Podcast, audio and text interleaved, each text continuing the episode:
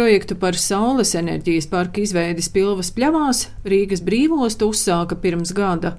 Uzņēmuma valdes priekšsēdētājs Viesturs Zeps stāsta, ka otrdien notikušajā izsolē par teritorijas nomas tiesībām piedalījās trīs pretendenti un uzvarēja lietuviešu kompānija Saules Graža, kas saules enerģijas parku plāno izveidot divu gadu laikā.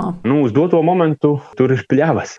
Tur vēl ir arī jātiek galā ar lokālu plānojumu un visādiem dažādiem dokumentiem. Jābūvē arī apakšstacija, lai savienotu to visu kopā.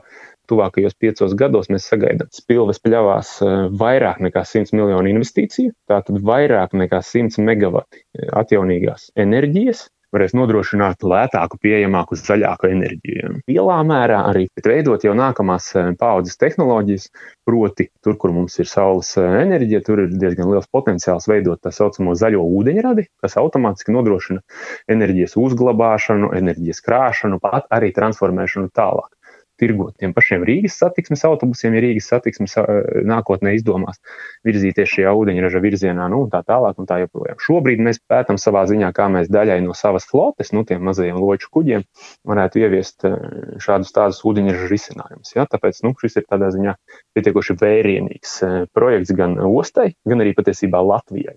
Šogad ļoti lielu interesi par saules paneļiem izrādīja mājasaimniecības, kuru mikroģeneratoru jauda var būt līdz 11 1,1 kW. Saules enerģijas asociācijas valdes loceklis Aigars Kalniņš stāsta, ja 2021. gada beigās Latvijā bija 2000 saules paneļi, tad šogad uzstādīti jau 10 tūkstoši, un to kopējā jauda tuvojas 100 megavatiem. Nākamajos gados paredzēta lielo saules enerģijas parku būvniecība. Attīstītāju vai parku būvētāju vēlmi ir izteikuši tik daudz, ka tas septiņas reizes pārsniedz Latvijā elektroenerģijas patēriņa līmeni. Mēs gan prognozējam, ka kādas divas trešdaļas iespējams, ka šos projektus nerealizēs, jo šīs lielā izmēra saules elektrostacijas ir relatīvi sarežģīts infrastruktūras objekts, inženiertehniskais. Latvijas elektroenerģētiķu un energobūves asociācijas izpildu direktors Gunārs Valdmanis akcentē vēl kādu problēmu. Visiem saules parku veidotājiem var nepietikt jaudas, jo 95% no mikroģeneratoru īpašniekiem jaudas rezervējuši dubultā. Noteikti ir e, svarīgi izvēlēties tomēr pieslēguma jaudas, kuras būtiski nepārsniedz to faktisko patēriņu un skatīties, kāds ir minimālais apjoms, ar ko jūs varat nosegt savu patēriņu. Tas ir taisnīgāk arī pret citiem lietotājiem. Attiecīgi viņiem šīs jaudas kļūst pieejamākas un tīklu kļūst tomēr lētāk uzturēt, tad, ja lietotāji pārdomāt, izmanto šo kopējo resursu. Šeit, man liekas, nav iespējama labāka analoģija. Tad, ja tiešām mums ir nepieciešami pārbraucieni pavisam nelielā apjomā, mums nav vajadzīgs uzturēt savu sētā ļoti ēdavīgu mikroautobusu, kur patēriņš uz 100 km veido ļoti iespaidīgus litrus. Un tā vietā varbūt ir vērts izvēlēties tiešām kaut ko nelielu, kas reāli atbilst mūsu vajadzībām konkrētā vietā. Ekonomikas ministri šonadēļ paziņoja, ka tiks pārskatīti sadales tīklu un augstsprieguma tīklu tarifi, un tie noteikti nebūs tik lieli, kā tika plānots iepriekš.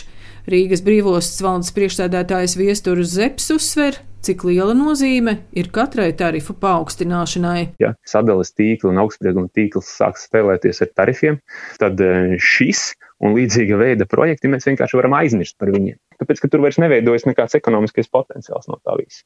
Tarifi nu, būtiski ietekmēs visu kopējo motivāciju šeit e, investēt un veidot e, šos saules, vēlāk arī vēja un visus pārējos parkus.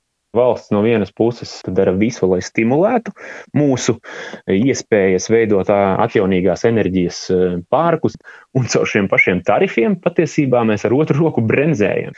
Un vai nav citi veidi, kā investēt sadales infrastruktūrā, lai tarifi nebūtu jāceļ? Jā, jo pateikt, ka elektroenerģijas vai enerģija visur pasaulē ceļās, un tāpēc mēs celsim tarifus, manuprāt, tas varbūt pārāk vienkāršots skaidrojums. Nākamo gadu laikā Latvijā plānots uzbūvēt vairākus lielus saules enerģijas parkus. Vai to izdosies izdarīt un kā šos plānus ietekmēs dažādi gan elektroapgādes uzņēmumu, gan valdības lēmumi, stāstīsim arī turpmāk. Daina Zalamane, Latvijas radio.